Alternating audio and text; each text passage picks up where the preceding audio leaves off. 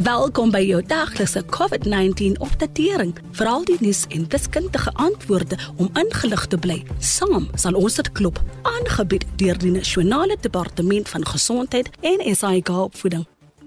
Maandag wat pas verby is, het die Wêreldgesondheidsorganisasie groot kommer uitgespreek oor die spoed waarteen COVID-19 in Afrika versprei. Tot betreklik onlangs was die kontinent in vergelyking met ander dele van die wêreld relatief onaangeraak deur die pandemie. Daardie toedrag van sake is snel aan die verander.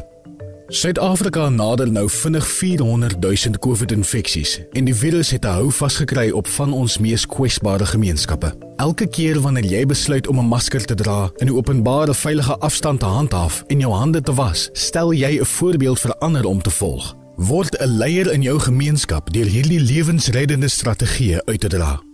Vroeger die week het president Cyril Ramaphosa Suid-Afrika se jong entrepreneurs geloof vir die skep van klein sake inisiatiewe gedurende die pandemie. In Februarie het die regering hom daartoe verbind om finansiering vir 1000 van die jeug se besighede te verskaf. En ten spyte van vertragings wat deur die nasionale inperking veroorsaak is, voorsien hulle om die doelwit teen die 12de Augustus te haal.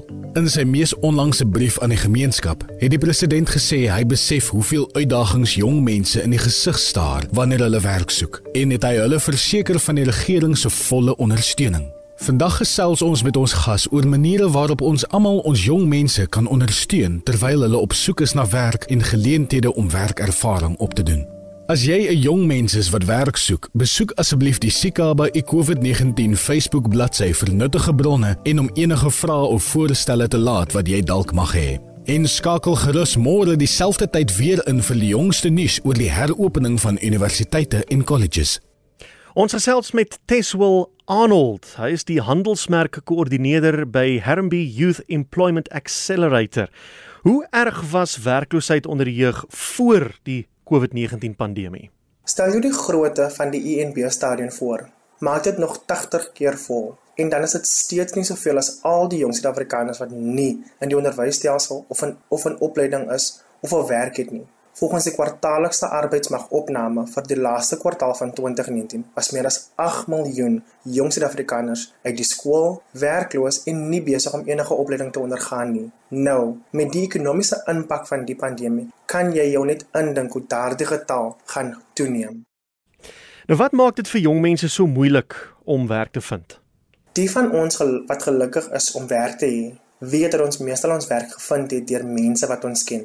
Om die waarheid te sê, 6 uit 10 werkende jong mense in Suid-Afrika wat 15 tot 34 jaar oud is, sê hulle het werk gekry deur iemand wat hulle ken, deur 'n vriend, familielid, 'n lid van die huishouding of 'n vorige werkgewer. Maar dink daaroor, byna die helfte van ons jong mense leef in huishoudings waar niemand werk het nie. Dit het hulle nie bande met enige iemand wat hulle kan help om werk te vind nie. En die meeste van hulle sou hulle werksgeleenthede vind, kan dit nie bekostig om aansoek om werk te doen en vir ouer onderhoude te gaan nie.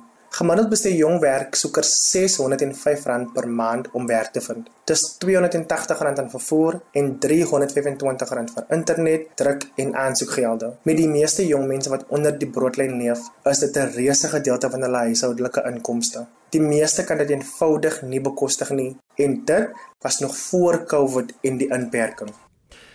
Hoe sou jy sê het COVID dit vir jong mense nog moeiliker gemaak om werk te soek?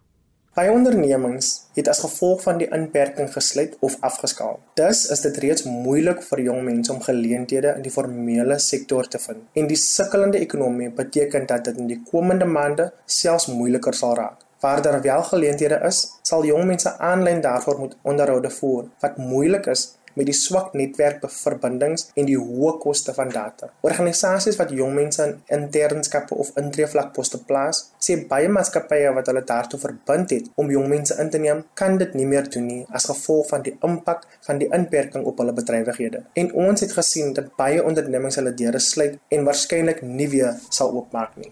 Is daar enigiets wat ons kan doen om jong Suid-Afrikaners te ondersteun in hulle soeke na werk? As jy werksgeleenthede sien, deel dit op sosiale media of met jong mense wat jy ken. Diegene wat werksoekervaring het, kan platforms soos WhatsApp gebruik om by jong werklooses betrokke te raak of hulle aan te neem. Gee aan hulle leiding of mentorskap waarom werk te soek en hoe om aansoek te doen.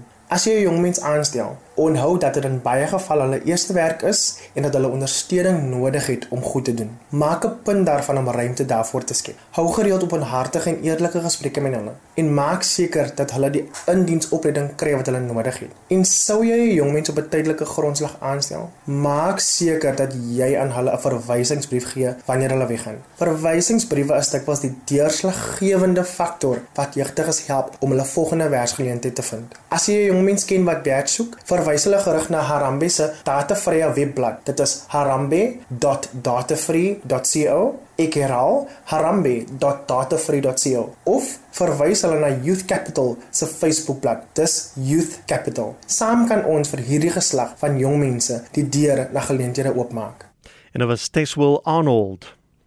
Dankie dat jy geluister het na jou daglikse COVID-19 inligtingstuk aangebied deur die Nasionale Departement van Gesondheid en SAIK opvoeding in samewerking met die Solidariteitsfonds. Wees veilig, bly gesond. Saam sal ons dit klop, Suid-Afrika.